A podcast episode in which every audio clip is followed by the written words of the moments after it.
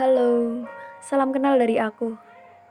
Semoga kebahagiaan dan keberkahan senantiasa menyertai kita semua. Untuk podcast pertama aku, di sini aku mau berceloteh tentang hadiah dari sebuah perpisahan. Siapa nih yang lagi terpuruk atau bahkan mengutuk sebuah perpisahan? Semoga setelah ini sedihmu segera hilang dan bahagia segera datang. Emang banyak banget sih orang yang suka nangis seharian bahkan sampai gak nafsu makan cuman karena sebuah perpisahan. Semoga kalian bukan salah satu dari mereka ya. Emang yang perlu kita ngerti tuh gak sekedar tentang hari ini kita ketemu, besok kita berkisah, terus kita bahagia bersama. Ya gimana ya, susah emang mempersiapkan diri buat menerima bahwa kalau ada pertemuan pasti juga ada perpisahan. Cepat atau lambat semua itu akan terjadi. Ya mau gimana lagi?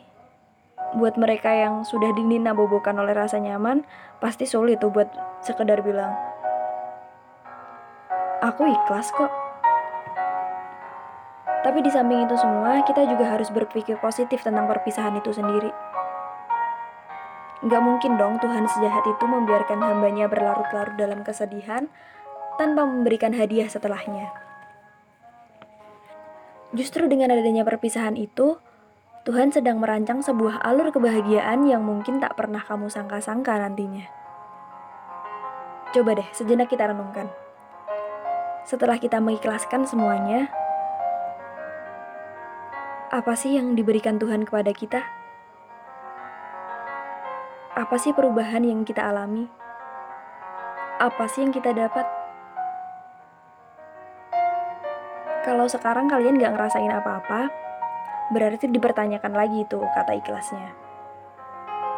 Ayolah bangkit. Kita terlalu kuat untuk menjadi orang yang lemah. Kita terlalu kuat untuk jadi orang yang cuma bisa nangis dan mengutuk diri. Masih banyak harus yang perlu kita tekadkan. Janji ya. Setelah ini kita sama-sama belajar jadi orang yang lebih kuat. Jangan lupa bahagia hari ini.